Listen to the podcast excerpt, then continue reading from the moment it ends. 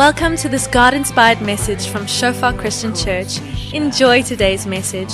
May you experience the presence of our Father and may you grow deeper in your relationship with Him. Oh,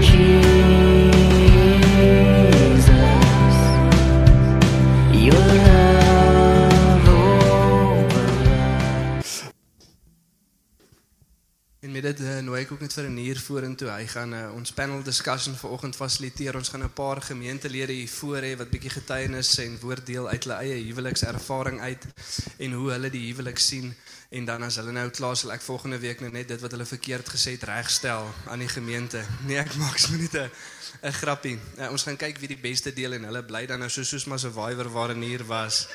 En dan die koppel wat nou laaste oorbly het Renier gesê hy sal vir hulle 'n miljoen rand gee as ek nou reg nou reg onthou. Ja, onthou nie reg nie. Nee, Renier, ek gee oor aan jou en ons sien baie uit vir vanoggend. Dankie Bram. Ja, ek gesmy gou so net so vinnig aansluit by Brown. As jy nog nie was met een van hierdie ek ek's versigtig om te sê getuienisoggende of getuig of getuienis daar nie, want dit gaan nie oor die mense wat hier voor sit nie, maar as jy nog nie was wanneer ons so fasiliteer en basies al wat dit is is is mense in ons in ons gemeente wat die Here sê, "Eers like, ek het al 'n waarheid in hierdie persoon se lewe kom bevestig." En Daar's daar's oorwinning in daai waarheid. Maar vir hierdie gemeente waarin ons is, is daar meer meer oorwinning voor opgesluit in da, in daardie waarheid. En in plaas van om te wag en te sê kom ek laat elkeen deur daai swaar kry of daai fout of daai storie gaan, deel God dit met die hele gemeente deur hierdie individue te gebruik. So terwyl ek praat julle ook welkom sommer hierso voor te kom sit. Ehm um, Janda julle ehm um, en Shaal julle daar agter en ek dink Silna, yes, daar kom Silna ook deur. Daar op die punt. So terwyl hulle vorentoe kom, wil ek sommer net gou die speelveld net voorberei, net sê soos so wat die belangrike ding is vir ons om te besef hierso is. Die eerste ding is niemand wat hier voor sit gebruik vandag om die as vir die, om die gemeente te gebruik as 'n as 'n sielkundige nie. Dis nie issues waardeur hulle wil hê ons moet werk identifiseer ons is sosiaal ek like nie hoe jy vir Corlie hanteer nie. Kom praat 'n bietjie vir die gemeente as jy kan raad gee nie. Ons alhoewel ek sien Corlie smal so dalk moet ons dit so 'n bietjie doen. Maar hier is niks wat ons vandag hoef deur te werk of vandag hoef in die lig te bring of eers sê ons nog net voor die gemeente sê hoe hierdie mense swaar kry en ons gaan 'n paadjie saam met hulle stap nie.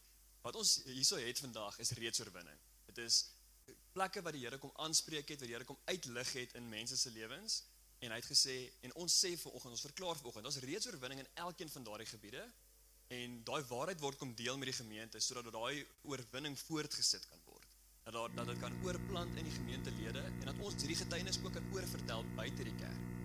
Die daar's 'n van pragtige vers in Openbaring. Eh, Ek preek op iets self groep bitter min met Openbaring aan want ek spreek bang vir die boek. Maar hierdie is hierdie is my net so so mooi gedeelte wat sê uh, of die konteks voordat ek dit lees Openbaring 12. Konteks hier agter is waar die die vrou met die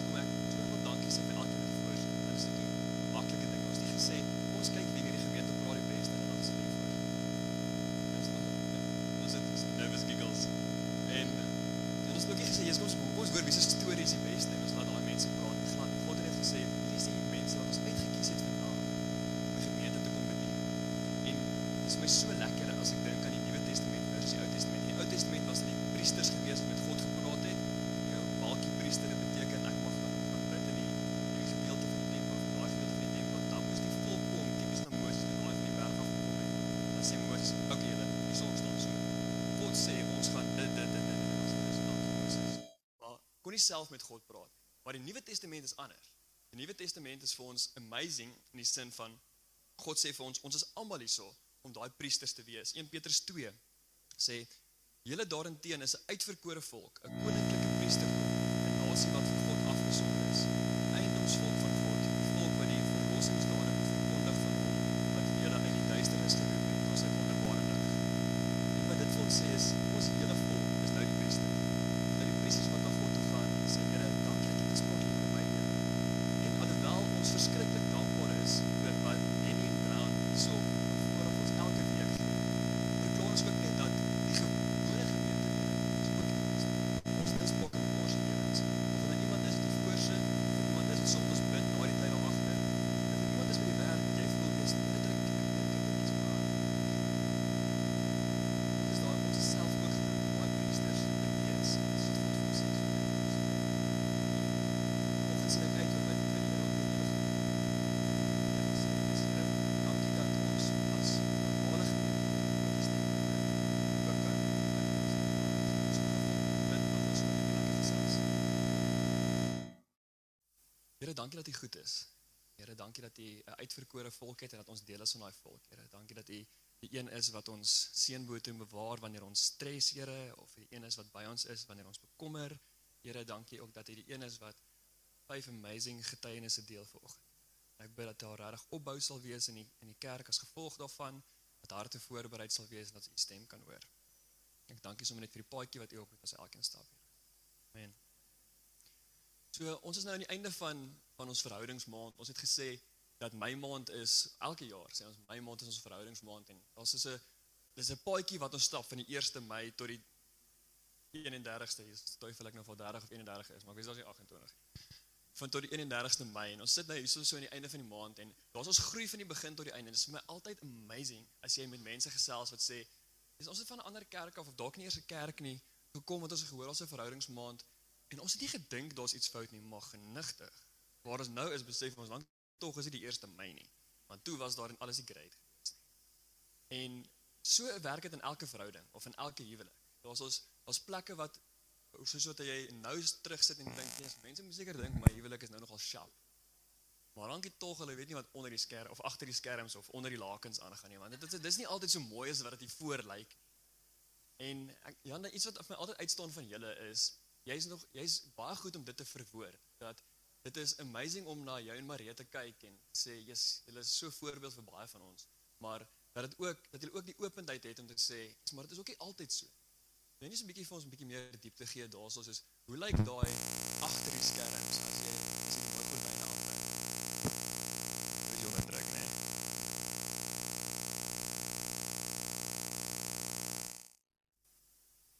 Daar's hy. Askus. Askus. ja, Renée, so waar waar het dit begin?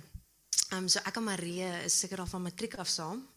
Ehm um, maar is tipies twee gebroke mense wat nie die Here geken het nie. En soos ons almal weet, lei dit tot baie seer. Ehm um, en daar was baie seer.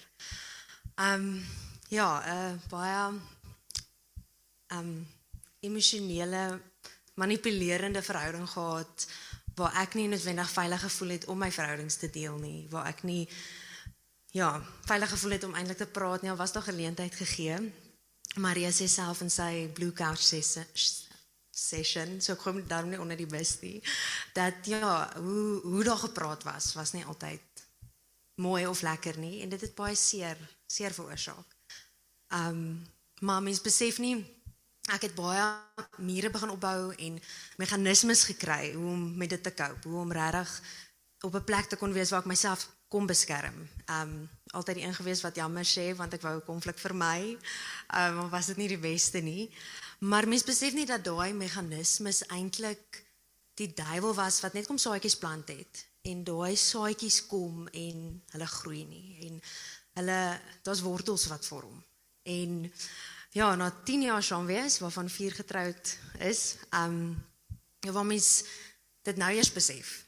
Um ja, ons ons deur God se genade is ons toe gered en kan ons hier sit en sê ons ken Here en ons loof hom net vir ja, die moeilike tye waardeur ons was, um, maar tog die tye wat ons kon saam spandeer in in die Here se teenwoordigheid, maar sommer om te deel in die jaar was nogals 'n moeilike jaar. Um swanger, so baie emosies.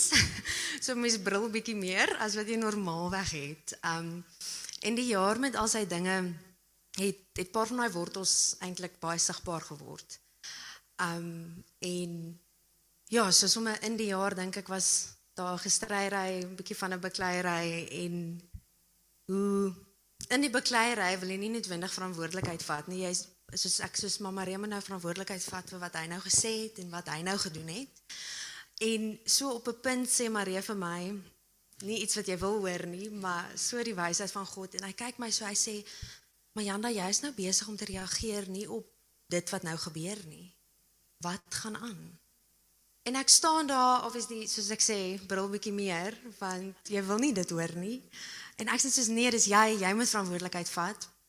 En ek onthou net daai spesifieke aand ehm um, weer eens waarvan nou emosies, jy kan ook nie slaap nie vir die wat nog nie swanger was nie. Ehm um, 3:00 die oggend besef ek net God roep my.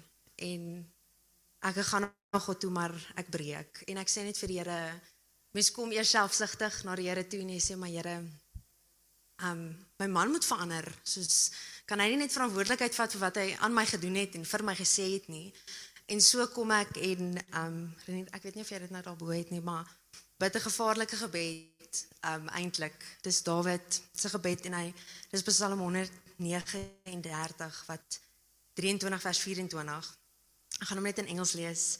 Search me, O God, and know my heart. Try me and know my anxious thoughts, and see if there be any grievous way in me, and lead me in your everlasting. En so kom God daai aand en is net so getrou in daai ou verlede wortels wat wat kom wortels skiet het. En en hy kom ruk hulle maar net uit. So seer soos wat dit was daai aand kan ek net so getuig God se getrouheid en sy genesing. En nee net dit nie maar hoe ek toe die volgende oggend Marie kon innooi in daai spasie in. En vir hom net sê soos dit is wat gebeur het en dis die wortels wat daar was en met met hom kon deel maar uit 'n plek uit van genesing nie meer 'n plek van seer nie en regtig tot die besef kon kom maar ek moet verantwoordelikheid vat vir die wortels wat in my lewe is en besef dat soms is die vrug wat mens sien, um ja, eintlik mens mens dink mens moet van die vrug ontslaa raak en mens kom soms en knip net soms vrugte af. En Maria kom spreek vrugte aan en dan besef jy maar dit dit lê eintlik dieper. En weer eens daai vrug kan mens probeer mooi hou vir die gemeentelede, mens kan dit probeer mooi hou vir vir wie ook al, ewen vir God probeer mooi hou daai vrug. Maar dis dis die wortel wat voor God is. En dis dis daai wat wat mens regtig jouself moet neerlê en regtig kom besef soos God wil hierdie kom genees en hy wil hy wil regtig kom om daai restoration te bring sodat die huwelik dan nou kan floreer in dit. Thanks Jan. Nou, ek wil sommer gou jou jy net 'n bietjie vra op daai wat jy daar gebruik, die voorbeeld van vrug en wortels. Is om om vrug aan te spreek is 'n maklike ding. As jy sê jy knip dit af of jy spuit bietjie insekdoder of jy gooi bietjie kompos. Maar die manier hoe mens by wortels uitkom is met effort.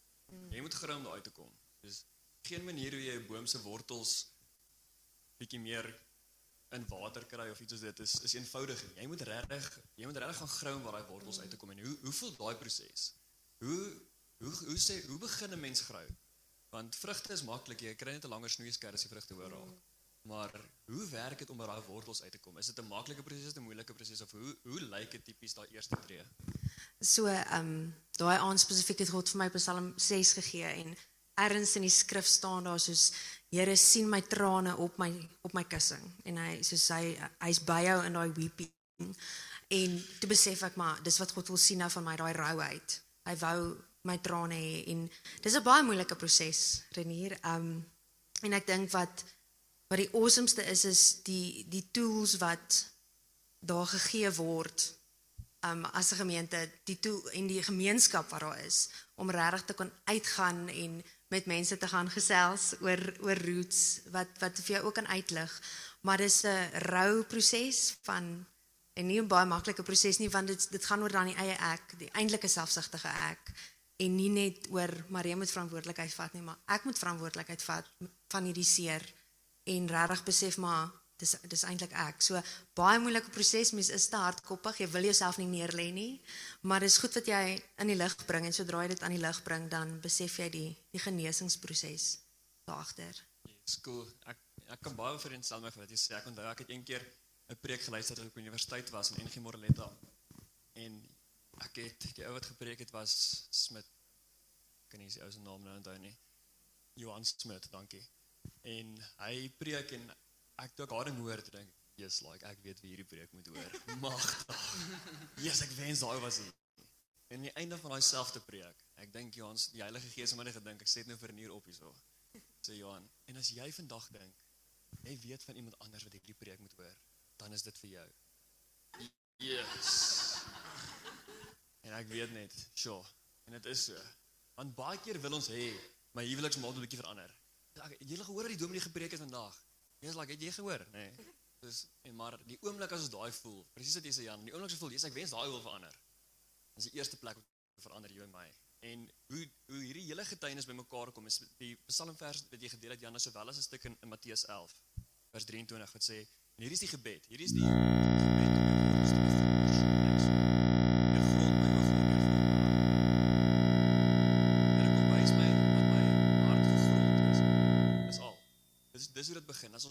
gebed daagliks bid en opreg bid. Here kom deur grond my hart, kom ondersoek my, kom sien tog my onderes raak. Dis waar God ons ons wortels kom ondersoek. En ek wil sommer net wil uitdaag om om Janda se se getuienis hier eie te maak en te sê Here, waar kan ek myself ondersoek? Om dalk om 'n slegter ding goed te maak of dalk om 'n goeie ding beter te maak. Maar baie keer die vrugte waarvan Janda gepraat het, is vrugte word deur twee plekke raak gesien, deur God en deur mense. Wortels word net deur God raak gesien. So baie keer wat ons doen, is ons probeer die vrugte die vr- die vrugte bevorder, maar ons gee nou maar die wortels nie. Nou wanneer ons onsself in daai posisie bevind, ons altyd vir ons vra, wie is ons die belangrikste, God of mense? Want vrugte kan mense sien, wortels kan hulle nie sien nie. So as ons pragtige vrug probeer uitbring, maar ons gee niks aandag aan ons wortels nie, want ons weet die ding wat God regtig waar hy gevestig waar ons gevestig wil hê, is nie vir ons so belangrik die ding wat mense sien nie. En dit is nie altyd lekker om te hoor nie, maar dit is definitief die waarheid. Want goeie vrugte is altyd 'n neeweffek van sterk wortels. Maar sterk wortels is nie 'n neeweffek van enige vrug. Kan nie andersom gebeur nie. Geen mooi uiterlike kom van ag alle mooi uiterlikes kom van gegrond in God, maar geen verhouding met God is 'n neeweffek van enigiets anders as nastreef. En daar's baie sulke leuns wat die wêreld vir ons begin vertel. Daar's baie kere dat die wêreld vir ons sê, "Maar jy moet so lyk en jy moet dit doen, jy moet voor staan in die kerk en jy moet daai doen en al hierdie goeders." En dan sal jou verhouding. Nee. God sê, "Kom na my toe, bid hierdie gebed. Here, deurgrond my hart. Kom ondersoek my." En Maria, jy's jy's ook baie bewus, weet ek, van presies daai leuns wat die wêreld ons kom vertel en wat die wat die samelewing op ons kom afdruk. Hy jou vrug moet so lyk, hy moet so wees, hy moet so wees. Net nie vir ons net so 'n bietjie meer konteks skep daarin asseblief. Ja, dankie. Dankie Renier en dis lekker om hier te wees en om bietjie te getuig. Ehm ja, iets my vrou, jy het nou eintlik so mooi gepraat. Ek is nou 'n bietjie onder druk, maar Ja, sy het 'n 9 gekry, sy Ja. gekry. ek sal mooi by ek sal probeer. Maar ja, ek ek kan so aansluit by dit Renier. Ehm dink so 'n interessante pad wat die Here op my pad uh of hoe hy my pad begin vorm het ruk terug, ehm um, was toe ek voltyds by Shofar begin werk het, ehm um, wat awesome is. Ehm um, en dit was dit was so deel van die Here se plan. Maar mens mens kry nogal daai ehm um, van hoe jy moet lyk voor mense en uh, hoe jy moet optree voor mense en en en ek sou nou nie sê dat daar voorheen dat ek ewe skielik verander het of ek het anders begin lyk nie, maar mense is attent daarop en ek dink die duiwel begin mens aanval. Ehm um, in baie maniere van hulle het jy nou reg opgetree. Soos het hierdie mense dit nou gesien, hulle gaan dalk nou uit die kerk uit gaan, jy weet, dis nou jou skuld en ek weet ook nie wat se leens ek kan nie eers alles onthou nie, maar ehm um, ek het onlangs begin ervaar dat ek myself nogal kan uitbrand. Ehm um, om heeltyd aan sulke goeters te dink. En ook ehm um, ek het regtig gevind dat ek ophou om goeders vir die Here te gee. So mense begin amper dit half uitsorteer self. Ek eh, ek is eintlik nie nogals great want ek werk vir die kerk of wat ook al die leen was.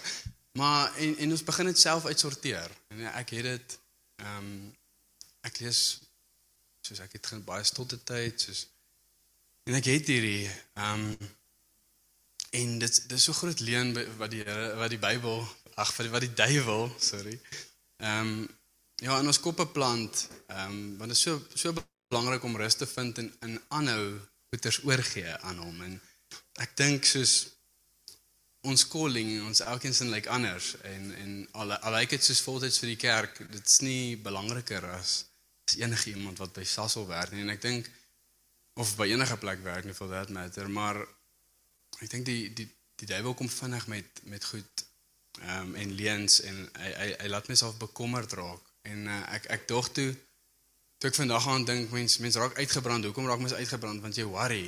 Jy worry oor hierdie jy worry oor hierdie jy wil dit uitsort. En hoekom worry jy? Want ons weet amper al as jy, as jy sê jy worry dan dan sê jy eintlik jy weet al wat gaan gebeur. En nou worry jy want dit lyk nie meer of dit gaan gebeur nie.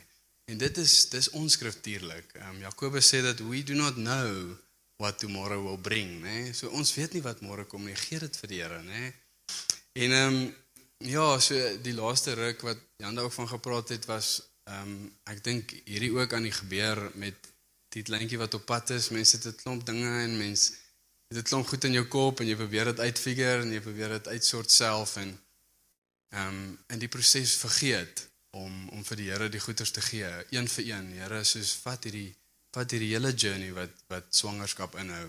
Ons gee dit vir u. Ons wil nie daaroor worry nie. En uh, ons het ek het vergeet om dit te doen.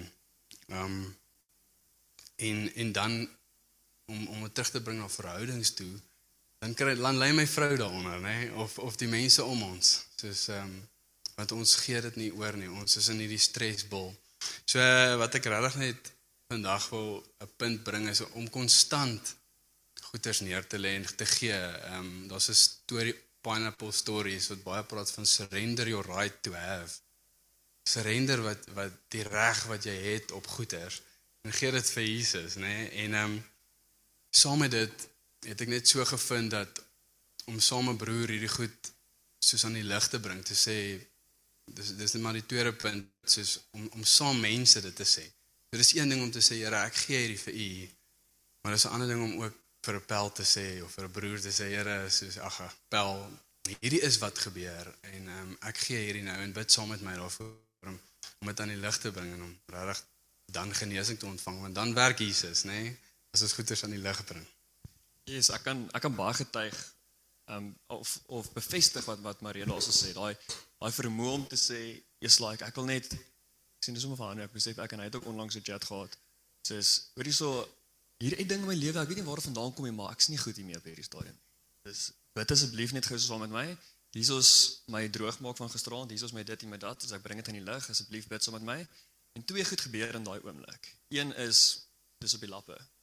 Ek weet dis iets om aandag aan te gee en twee is ek het backing van 'n meerige gelowige. Maar maar net voor ek te ver weg hardloop van wat jy gesê het af. Ehm um, daar's so 'n skrif in Lukas 9 ehm um, wat wat ek weet ook baie hierby aansluit wat wat jy ook voor lief is, maar ek wil hom net gou daar's een spesifieke woord daarin wat ek net gou wil verduidelik. Hy sê um, Lukas 9 vers 23. Toe het toe het hy vir almal gesê as iemand agter my aanloop moet hy homself verloon, elke dag sy kruis opneem en my volg. Die konteks hierso is is waar Jesus vir die met mense roep om te volg en hierdie ou sê jy's ek net eers my pa gaan begrawe en daai sê jy's like jy moet en hy sê vir die ander ou die ryk jong man jy moet alles verkoop en hy sê o wag jy's regtig alles verkoop en dan sê Jesus hierdie stuk van jy moet jouself verloon. Die woord hierso wat ons baie keer laat so 'n bietjie cringe is verloon. Ehm die konnotasie wat ons baie keer daarin het is bedrieg. Ehm maar dis nie die waarheid nie. Die die wat wat verloon hierso beteken is in daai tyd sou jy lojaal wees aan 'n koning of aan jou volk. En as jy jou volk verloon het, het jy jou lojaliteit aan hulle afgesweer en lojaal geword aan 'n ander koning of aan 'n ander volk. Nou dit is die konteks waar hierdie verloning is. Jy moet jouself verloon. Ek is lojaal aan myself en my eie wat ek wil hê, my verlange, my begeertes, my prioriteite en nou sê God, dit moet jy verloon. Ek wil hê jy moet daai tweede sit en lojaal word aan my.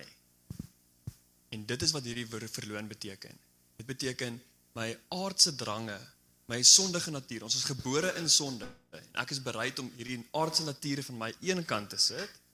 Te sê nou volg nou is ek lojaal aan 'n nuwe koning. Nie meer koning Renier of koning Marie of wie ook al dit is nie. Die koning van die heelal. En daarom verloon ek myself en sit al daai goeders agter. En vir partykeer, party van ons is dit nou verloon ek die God van geld en ek sit hom eenkant en ek sweer 'n nuwe lojaliteit toe aan die God van die heelal. En dit is presies wat hierdie beteken en en ek ja, dankie sommer net uit daai deel Maria. Maar nie die laaste gede- gedeelte wat jy genoem het, um, is ook vir my so so kragtig om te sê daai van in die lig bring. Die die waarde van iets mee sukkel en aanhou aanhou aanhou daarmee sukkel of dit in die lig bring en te sê Here, hier is dit nou. Dus ek kan nie meer op my eie nie. En die manier hoe ek dit doen is ek deel dit met iemand anders. Maar Shaul, ek weet dit is ook 'n uh, groot gedeelte van jou getuienis en en iets waarmee jy ook baie goed is waar jy baie verlossing gevind het, is daai in die lig bring waarvan Marina gepraat het. Net eens 'n bietjie vir ons konteks gee daar agter asseblief. Ja, net toe ek Maria vanoggend sien uh en hy sien Jy bely al jou sondes en bring dit in die lig. en hy sien ek het hierdie groot boek in die hand. Uh hy sê toe vir my nee, ja, sy getuienis is nog redelik kort. Ek loop toe na Cordelia toe ek sê vir haar, ja, ek kan sien hulle is nog net 4 jaar getroud. ja, 'n bietjie 'n konteks gegee waar, ons storie begin het. Um my suster is in 2011 baie onverwags oorlede. En dit het nogal iets aan Cordelia se hart wakker gemaak waar sy sy eintlik na die Here toe gegaan het en gesê het, "Maar Here, hoe kan U wat 'n goeie God is, uh iemand met twee klein kindertjies. Ek dink hulle was 7 jaar oud, die tweeling. So onder hy was 10 of 11. Hoe kan U laat 'n ma wegval terwyl kinders so jonk is? En Cordelia het eintlik in 2011 um 'n 5 jaar journey begin waar sy my wou betrek. Maar ek ek het myself nie oopgestel vir dit nie. Sy is so goed met my deel en en uh vir my hoe dit uitgespeel het op die einde is dit het eintlik meer 'n wig kom bring tussen ons. Uh van so aard laat ons 2016 op vakansie gaan. Ek onthou dit was 'n Februarie maand gewees. En iets het net in die kar ontplof. En en ek het die kar afgetrek van die pad af. Ek het vir Kollo gesê as ons klaar is met hierdie vakansie skei ek. Ons is nou klaar met Dit was natuurlik nou nie 'n goeie vakansie gewees nie. Um Maar begin met 'n leen, jy het wou gesê geskyn het nie so. Maar dit was 'n seer vakansie. Uh jy weet en ons het teruggekom en Kola het na my toe gekom na dit. En sy het vir my gesê die Here sê vir my ek gee vir jou 7 maande om jouself uit te sorteer. Andersins gaan ek my goed vat en loop. Jy weet en ek was nou kwaad dan. Ek is eintlik iemand wil loop en nou sê jy vir my maar jy gaan loop, jy weet. Ehm um, Maar ja, ek het ek dink wat ons gered het uh as ek nou moet terugdink is, is ons albei het nog steeds onsself oopgestel vir die Here om te kom inspreek. Weet en ek het daai tyd stil geword na dit en en ek sê toe vir die Here ja hier's probleme en ek het u verdediging nodig. My vrou sien nie my saak in nie. Sy verstaan nie waartoe ek gaan nie. Ek ehm um, uh, iets nodig om haar te werk. Dis hoe my gebed begin het daai tyd, nê. Nee. En die Here kom En en hy begin oor 'n proses van 7 maande begin hy verskillende gedeeltes van skrif vir my wys en en hy begin toe met hierdie eerste skrif en ek wil graag dit vir julle ook lees. Ek het dit nog so ewe daai tyd geonderstreep. Hy begin met Jesaja 1. Ehm um, ek wil net dit wat ek daai tyd onderstreep wat wil ek graag vir julle lees want dit is wat ek toe beleef het eers met die Here is besig om met my te deel. Hy praat onder andere hierso hoor o hemele en luister o aarde wanneer die Here spreek. Ek het kinders grootgemaak en verhoog, maar hulle teen my oortree. Waar wil julle nog geslaan word dat julle voortgaan met af te wyk? Die hele hoof is siek en die hele hart is krank. Julle land is 'n wildernis, julle stede is met vuur verbrand. Vreemdes verteer julle landerye en julle teenwoordigheid. En dit is 'n wildernis soos by die omkering deur vreemdes. As julle kom voor my om voor my aangesig te verskyn, wie dit van julle geëis om by my voorhoewe in te kom? En as julle julle hande uitbrei, bedek ek my oë vir julle, ook as julle die gebed vermenigvuldig luister ek nie. Julle hande is vol bloed. Was julle, reinig julle, neem die boosheid van julle handelinge voor my oë weg, hou op om kwaad te doen.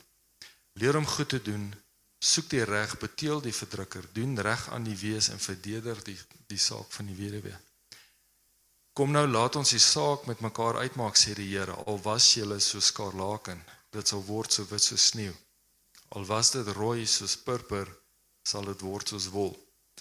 As julle gewillig is en luister, sal julle die goeie van die land eet. Skus, ons reg daai laaste sin weer lees as jy As julle gewillig is en luister, sal julle die goeie van die land eet. is en die ons is baie goed grootgemaak in jy moet luister. Ek dink dit is iets wat wat ons baie keer hoor, ehm um, veral hy kinders moet gesien word en nie gehoor word nie, man. Tussen wil jy moet luister, hy moet ook gaan koffie maak en hy moet ook hierdie nou daai doen, maar wat ons baie keer vergeet om aan te spreek, is die ander gedeelte in daai vers wat- wat jy nou gelees het, Shaal. Ons moet gewillig wees. Partykeer is God se grootste verlange na ons nie die het ek dit het ek geluister of nie, maar is ek gewillig om sy wil te doen? Die luister kom self. Die luister die luister kom baie maklik daarna, maar die is ek gewillig om alles neer te lê, die ryk jong man alles te los en te gaan. Dis baie keer die die waarheid wat ons mis, want dit is luister dit se ding waarin ons onsself in kan dwing al wil ons nie. Ons almal ons almal ken daai ag, okay. En dan gaan doen ek dit maar. Maar jy kan nie vir jou hart jok oor gewilligheid nie. Gewilligheid is 'n ding van die hart. Ja. Ja, weet eh, so dis die eerste gedeelte waarmee die Here my gekonfronteer het en op baie stadium het dit nie vir my sin gemaak nie.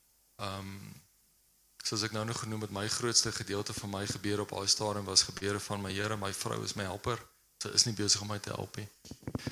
Ehm ek het frustrasie in huwelik, ek het vra frustrasie in terme van goed by die werk gebeur en hierdie persoon wat U vir my gegee het, ehm is besig om my teen te werk, is besig om my kwaad te maak. Jy weet as ek moet as ek moet terugdink oor my kinders, want hulle het ook skade gelei daaronder. Jy weet ek wil graag twee situasies uitlig wat wat gebeur het met ons. Ehm um, Ek was ek was 'n pa gewees wat baie vinnig pak slaag gegee het. En uh Elise Marie wat nou die oudste is, ehm um, het vinnig deurgeloop want ek wou van haar 'n modelkind gemaak het. Dit was my doel gewees. En Ek onthou as ek haar pak slaag gegee het, ek, ek is geneig geweest om uit te loop en dan sou ek na die tyd kom en ek kom praat bietjie, maar Elise Marie sou my nooit los nie. As ek haar pak slaag gegee het, het sy my so vasgehou. Dan kon ek nie in die badkamer uitstap nie. Jesus, dit was my erg geweest. Ek het daar ek het daar eendag ingeroep in die kamer in met hierdie storie en en ek ek maakte my hart oop oor haar. Weet sy was 2 jaar oud. En ek vertel vir haar, ek sê vir haar, ek wil net vir jou sê ek is jammer. En ek het nie gedink dit gaan 'n impak op haar hê nie. Hoorie maar sy steek haar arms uit. Sy sê vir my pappa, ek is lief vir jou. en ek huil. Weet en en en Liam en hy ook. Ehm um, Kolla weet ek dink Kolla sal getuig oor hierdie een situasie met haar. Ek ek was besig om met glas te werk oor die huis en ek ek sê vir Liam en hy pasop staan asseblief weg. Ek gaan die glas stampie, sta, glas gaan binne toe val na die huis toe. Jy moenie daar wees nie. Maar in die proses val die glas toe en die glas sny toe op been oop. Ek verloor dit, ek verloor dit toe nou. Ek is daar by die voordeur in, ek gryp haar aan haar arm en ek ruk haar badkamer toe. Want Kolla was toe in die badkamer. En soos ons in die gang afloop, slat ek haar. Ek slat aan, ek slat aan, ek slat aan. Kolla kom uit. Sy sê vir my, "Wat gaan aan hierso?" Ek sê vir haar, "Ek is moeg. Die kind luister nie vir my nie. Sort jy jou uit." En ek stoot haar so in die badkamer en ek draai om en ek loop. Ja, dis 'n tipe frustrasie waarmee ek geleef het en nou kom die Here en hy kom wys hierdie goed en weet ek het 'n lys van goed hier gemaak, maar weet daar's omtrent 20 goed net uit hierdie uit waar die waar die Here sê onder andere in vers 2, ek het teen hom oortree. Weet ek het dit nie beleef daai tyd nie. Hy gaan later hy sê hierson vers 4 ek het die Here verlaat. Hy sê um, in vers 7 Jolanda dra geen vrug nie en mense is besig om jou te beroof. Hy praat hierso oor in vers 11 ek het geen behaan jou offers nie. Um hy praat in vers 15 ek luister nie na jou gebed nie. Um as jy aangaan hierso uh, vers 24 sê hy die Here wreek hom op die wat teen hom was. Vers 25 hy sou sy hand teen my uitstrek. Um vers 29 onder andere sê hy so omdat ek hom nie kies nie, gaan hy my skaamte ontbloot. Um so ek het myself op baie stadium nie gesien as iemand wat 'n vyand van God was nie. Ek ek het kerk toe gegaan. Um ek was deur 'n doopproses en ek en Kolla het het baie keer um hierdie oomblikke gehad van dat die Here goed kom openbaar in ons huwelik en en sulke tipe goed. So vir my om gekonfronteer te word met die Here wat deur hierdie skrif so iets vir my kom sê was vir my 'n bitterpil om te sluk. Um Maar soos die tyd toe aangaan, uh bevind ek my toe besig met twee boeke, um al twee boeke wat deur Rick Joyner geskryf is. En die een boek se naam is um The Final Quest en die ander een is The Call. Ek weet nou nie wie ken dalk daai boeke nie. Maar dit gaan oor um visioene wat Rick Joyner oor 'n paar maande gehad het in terme van hierdie oorlog wat wat uitspeel. Oor hoe die bose magte besig is om op te trek en hulle gaan nou eintlik oorlog voer teen die heiliges van God en en daar's nogal baie visuele beelde in terme van hoe hulle uitbeeld soos 'n demoon wat op 'n ou sit en hy gooi op. En wat ook al op die persoon opgegooi word het 'n effek op hierdie persoon. En ek begin te dink, okay, ehm um, miskien miskien is daar elemente van dit want want ehm um, dis my denke op die regte plek, is my gedagte, weet my gedrag, dit wat ek spreek, is dit op die regte plek of is daar 'n eksterne invloed wat besig is om impak op my te hê wat ek nie weet nie. En ehm um, in hierdie visioen onder andere praat hy oor waar hy in 'n gang staan met hierdie klomp deure.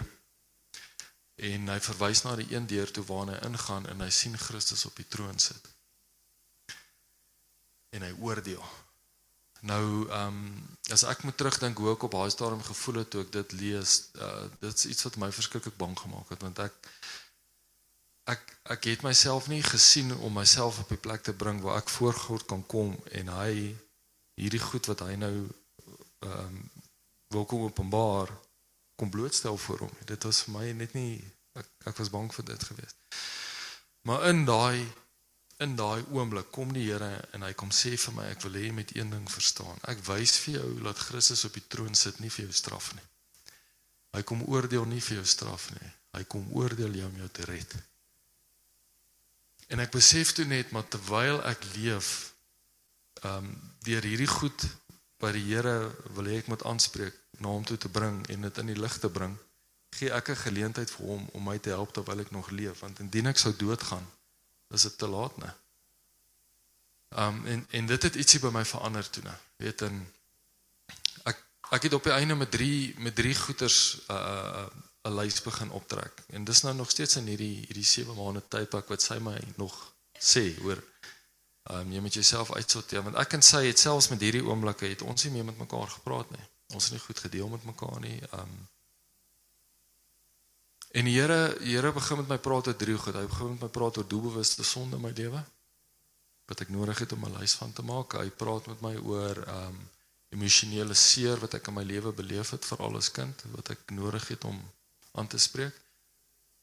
En en hy begin toe met my praat oor hierdie goed wat van generasie na generasie oorgedra word wat ek nodig het om af te sny want hy wou eintlik hê dat ek moet ophou soos 'n koen dink. Ek moenie soos my oupa dink nie, ek moenie soos my pa dink nie. Ek moet begin soos God dink. En ek ek het twee A4 bladsye inligting vol gemaak en ehm um, die die die klimaks van hierdie hele storie was uh Kolla het dit was Februarie wat ek in vir haar gesê het ek gaan haar skei. In in Julie maand, ek dink dit was die 4de Julie. Ehm um, stuur sy die kinders weg plaas toe en ek en sy is alleen by die huis en ons is besig om buite te braai en sy kom staan buite en sy vra vir my, "Is jy lief vir my?" En ek sê toe vir haar, "Ek is eerlik met jou. Ten spyte van al hierdie goed wat gebeur het, ek het nie liefde vir jou nie." Kolia sou na die tyd vir my sê sy het op baie oomblik terug in die huis ingegaan en sy het haar tasse gaan pak met sy wou daaraan te geloop. En sy sy beleef toe die Here het vir gesê jy moet bly, né? Ja. En ehm um, vriende van ons sou daai naweek deurkom, hulle het die Vrydag deurgekom en en ek stoei net met hierdie ding en en sy bel my die Vrydagoggend. Sy sê vir my, "Hoor, ek wil jou graag sien. Kan jy net vinnig 'n koffie kom drink?" Ek dog, "Ja, ek het nie nou tyd hiervoor nie." Ek ry ons ry huis toe en ek sê net vir die Here, ek ek ek het nie 'n antwoord vir dit waar ons deurgaan nie. Ek is eerlik oor my emosies. U moet kom help.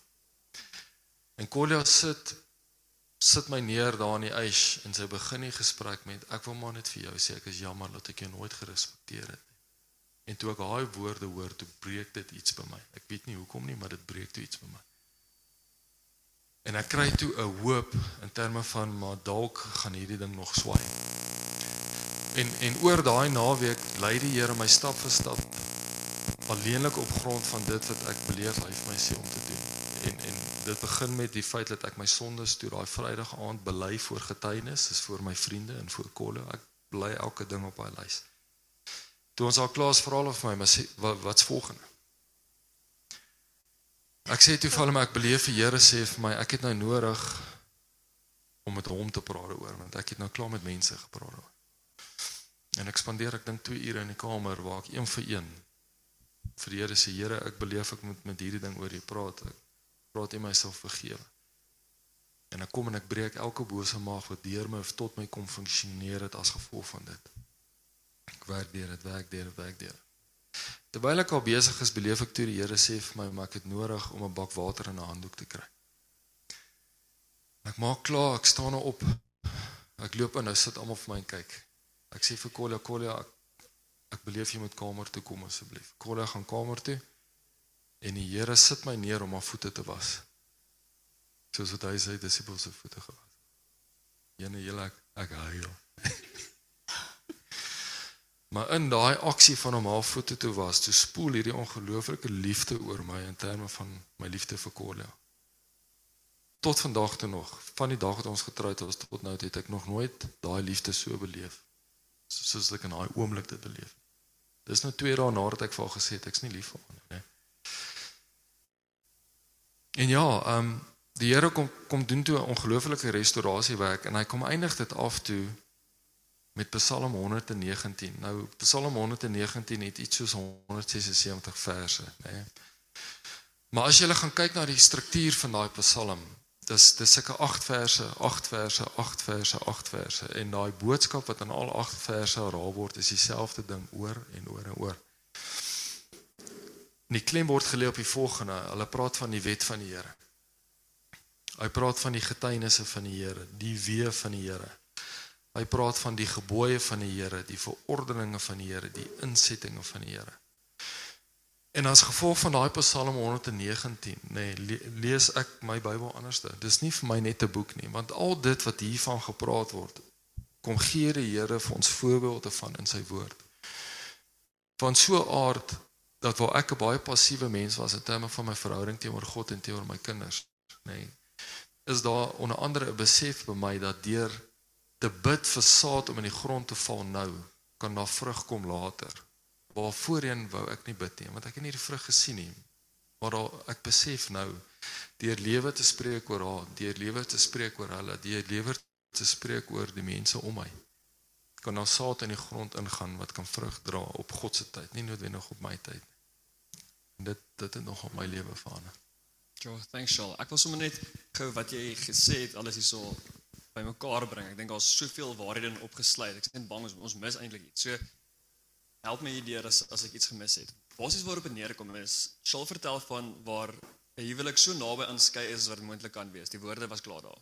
Dis nie meer net 'n gedagte nie, dit is ek het jou gesê, stiekets, klaar. Dis waar ons begin. Dis nogal so 'n slegte plek om te begin. En van daar af kom die Here en hy wys goed uit. So in baie van ons se lewens doen. Daai wat jou Malio van leer as jy klein is, sien ons daai stemmetjie daar diep agter wat jy so ignoreer. Dis also known as Heilige Gees. Dis daarso kom dit en en kom wys vir Shaul hierdie waarhede uit.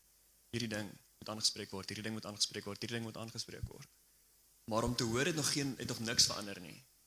Om enige enige besef sonder aksie wat geneem word het nog niks verander nie.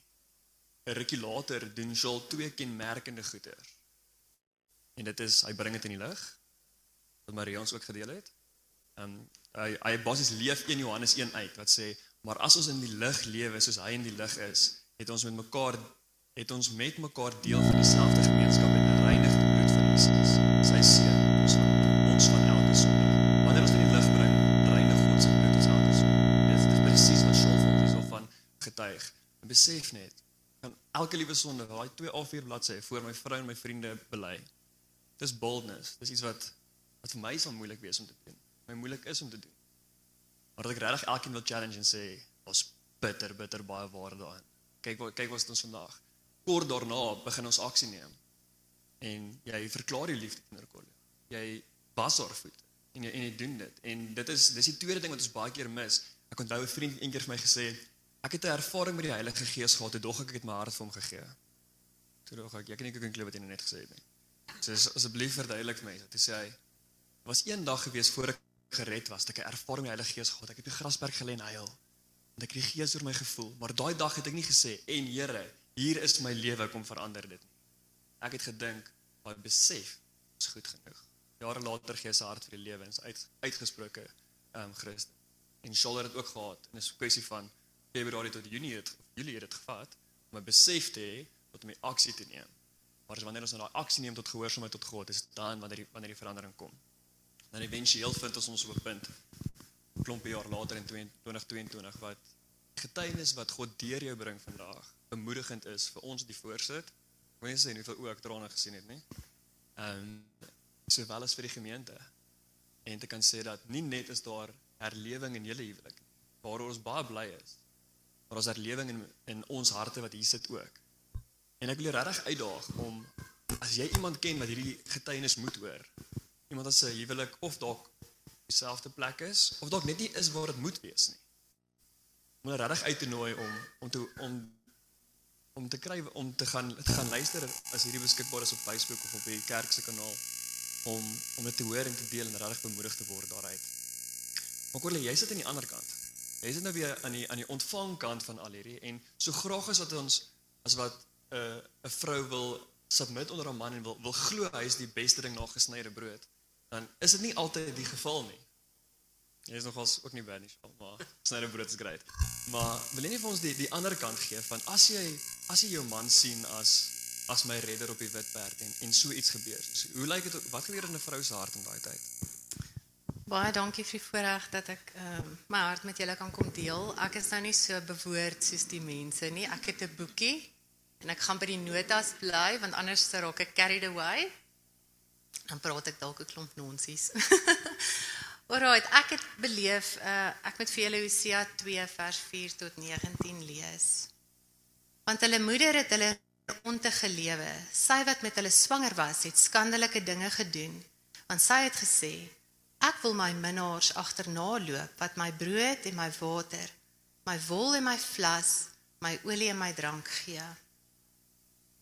Daarom kyk, ek sal jou weg met dorings toemaak en en om haar 'n muur bou sodat sy haar paaie nie sal vind nie. En sy sal haar minnaars agterna loop, maar hulle nie inhaal nie. En sy sal hulle soek, maar nie vind nie.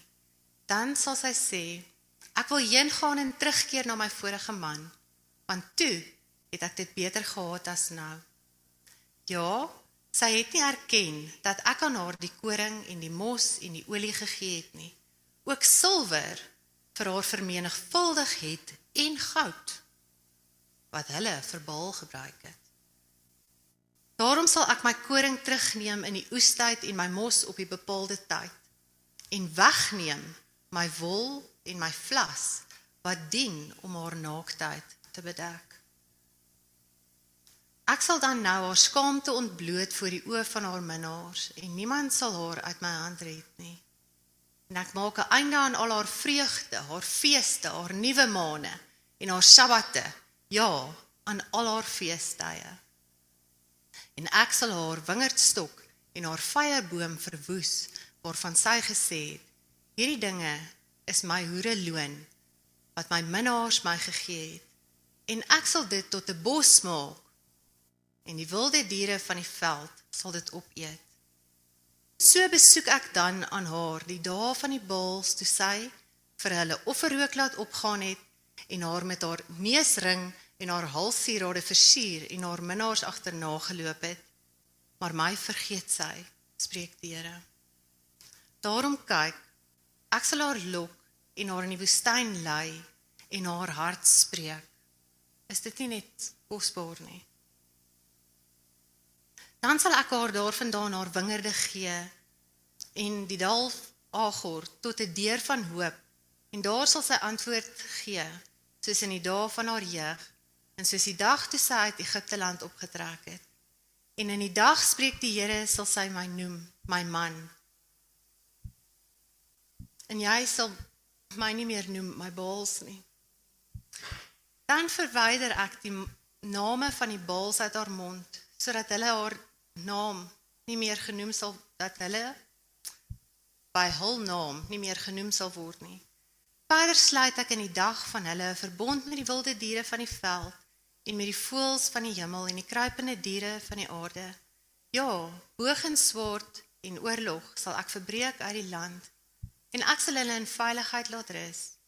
En ek sal met my met jou verloof tot in ewigheid en my met jou verloof in geregtigheid en in reg en in goedertierenheid en in ontferming. En ek sal my met jou verloof in trou dan sal jy die Here ken.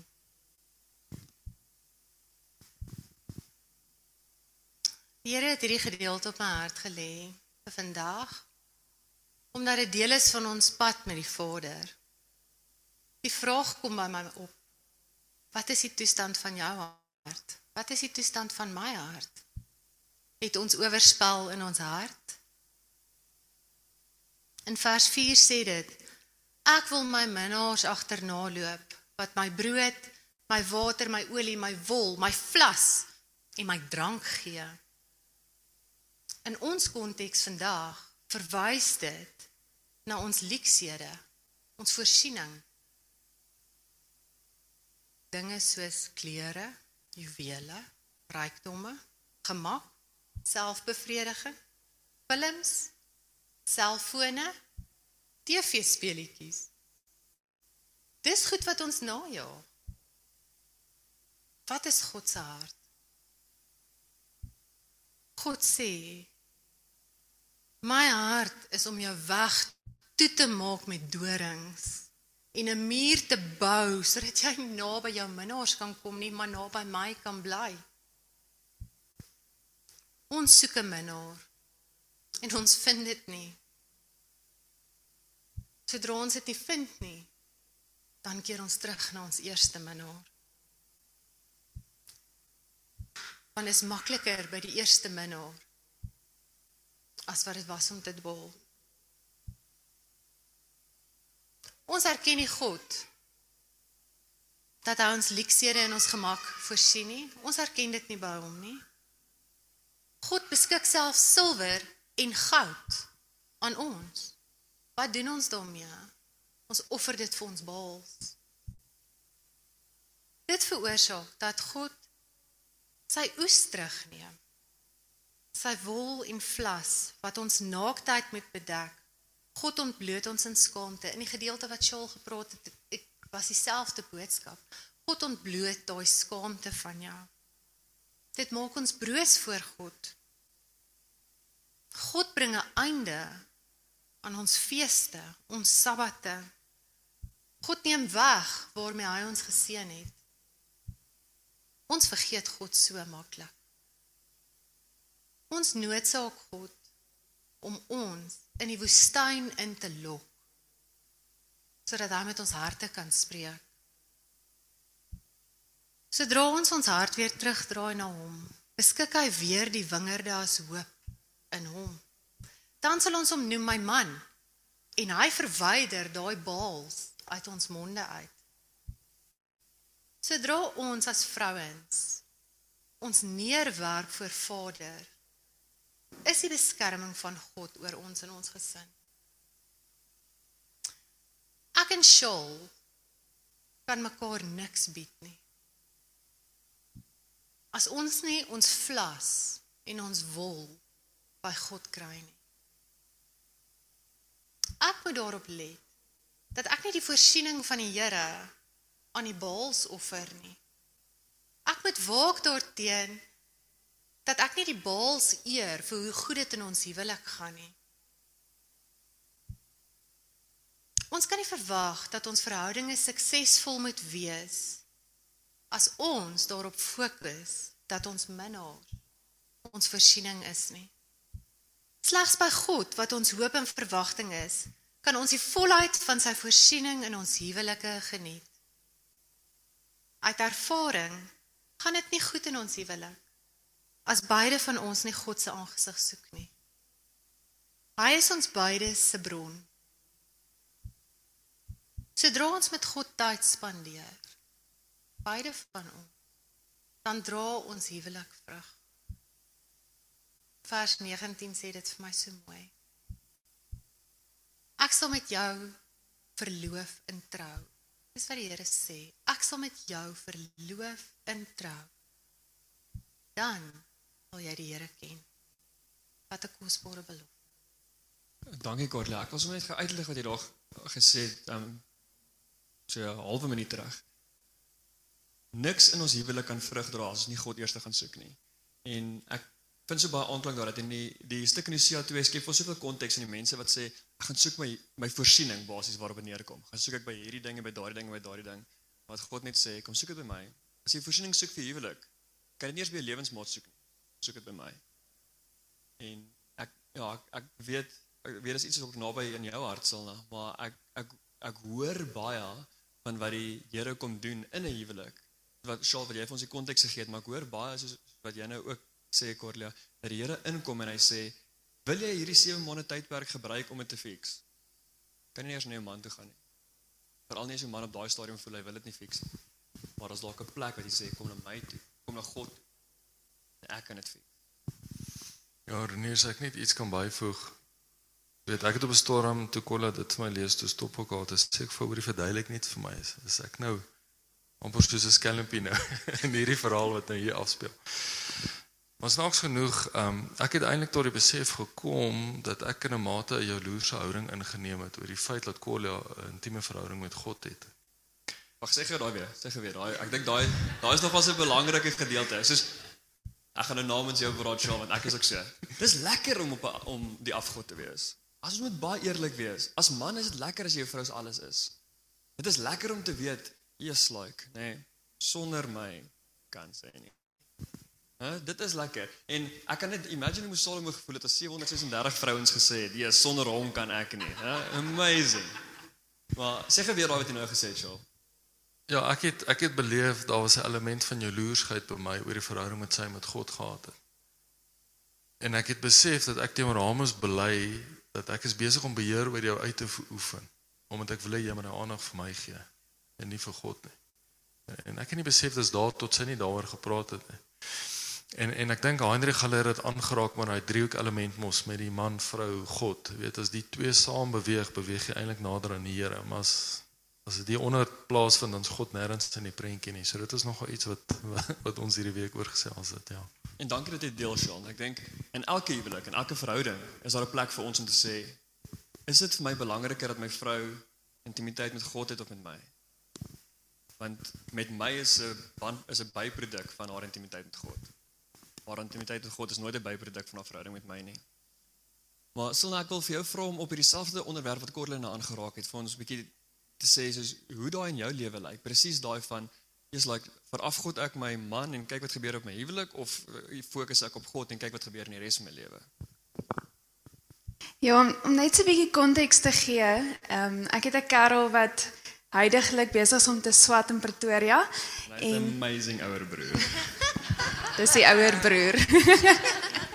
Ehm um, ja, en hierdie jaar was 'n realiteit. Realiteit is hy maak klaar en so lekker of so nie lekker soos wat long distance was. So nie lekker was die besef dat wat gebeur nou? Wat gebeur aan die einde van die jaar as hy klaar is? Waartoe gaan ons? Dis nog 'n emosionele ding, so sorry as ek 'n um, bietjie begin huil. En ek het myself bevind begin van hierdie jaar en vir die Here sê ek's bekommerd.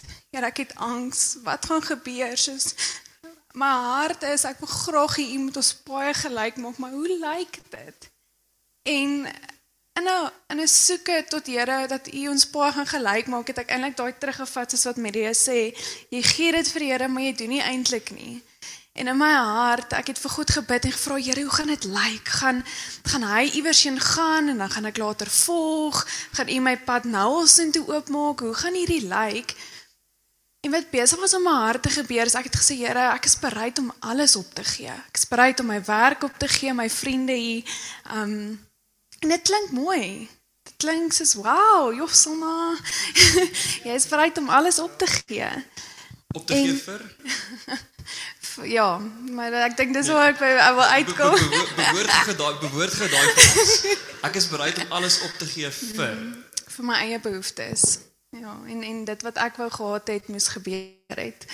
En soos ek besig was om te bid en vir Here te vra, Here, hoe gaan hierdie nou lyk om sê vir my? Gaan hy gaan u hom eers stuur en dan gaan ek gaan of hoe gaan dit lyk en in 'n oomblik toe kom God en hy kom vra vir my, "Wat as ek jou eers stuur?" En ek het net in daai oomblik ek sê, "Dis wat?" Dis nie wat ek verwag het nie en wat God in daai oomblik kom doen het. Ehm um, soos Matteus 6 ehm um, van vers 24 af wat net praat oor ons kan nie twee vir son twee base dien nie. Wat God kom doen het, het hy my geroep eerstens tot 'n loyaliteit teenoor hom. En wat ek besef het in hierdie stadium my wat dalk so mooi geklink het om alles te los en en te gaan, was nie 'n loyaliteit teenoor God nie.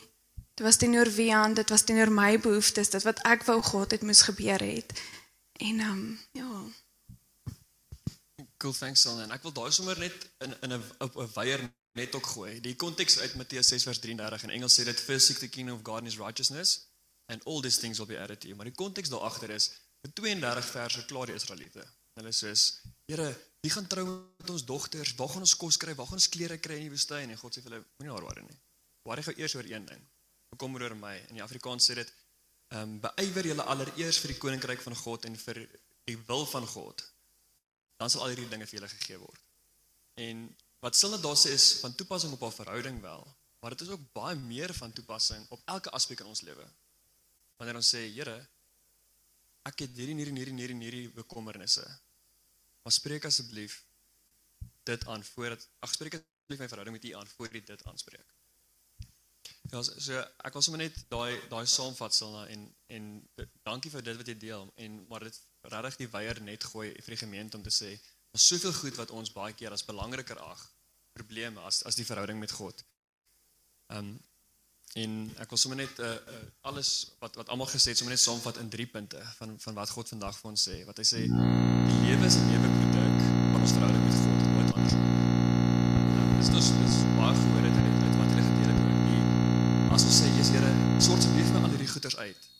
lekker nie, maar Here, 'n verhouding met U en dan word daai goed klaar uitgesorteer. Is 'n heeltemal 'n ander mindset. Die tweede ding is is is waar is ons wortels? Soos jy gesels het Jan soos hoe lyk ons wortels? Waar is dit gevestig? Is ons wortels op die regte plek in die diep waters gevestig? Is ons bereid om dit op te grou? Want dan dra dit vrug? Of kyk ons net na die vrug en sê Here maak my hierdie mooier beter mooier beter mooier beter maar ek is nie regtig bereid om te gaan grou nie want dan raak my naels vuil dis nie lekker nie maar Here wil hê hy wil hê ons moet gaan grou En as daar iets in jou huwelik of in jou verhouding nou is of dalk met 'n vriend of 'n broer of 'n suster of 'n ouer wat sleg is, wat nie goed is nie, wil ek jou regtig uitdaag om te gaan grou. Waar's die wortel? Want dis wat ons nou sien is slegs die vrug. En dan laastens God se wil is altyd in die lig. Nooit ooit lees ons dat God sê en maak hierdie deur op jou eie nie. So as daar enig iets is wat nou op jou hart is wat swaar is of 'n bekommernis en jy het nog alleen gedoen tot so tot dusver. Wil ek jou regtig uitdaag om om 'n vriend of 'n familielid, iemand in die kerk vandag te kontak en te sê, hoor hier is ons hierdie ding waarmee ek sukkel. Of vir 5 jaar verslaaf hier aan of ek sukkel vir 10 jaar daarmee. Want dit is in die lig waar die waar die duiwel sy krag verloor. En ek wil julle regtig dank vir vir julle openheid en julle bereidwilligheid om te deel. En ek wil ons ons hele gemeente los met daai met daai drie punte. Ons lewe is 'n nuwe produk wat ons doen met God en waar is ons wortels en ook in die lig is, waar ons veilige vesting vind.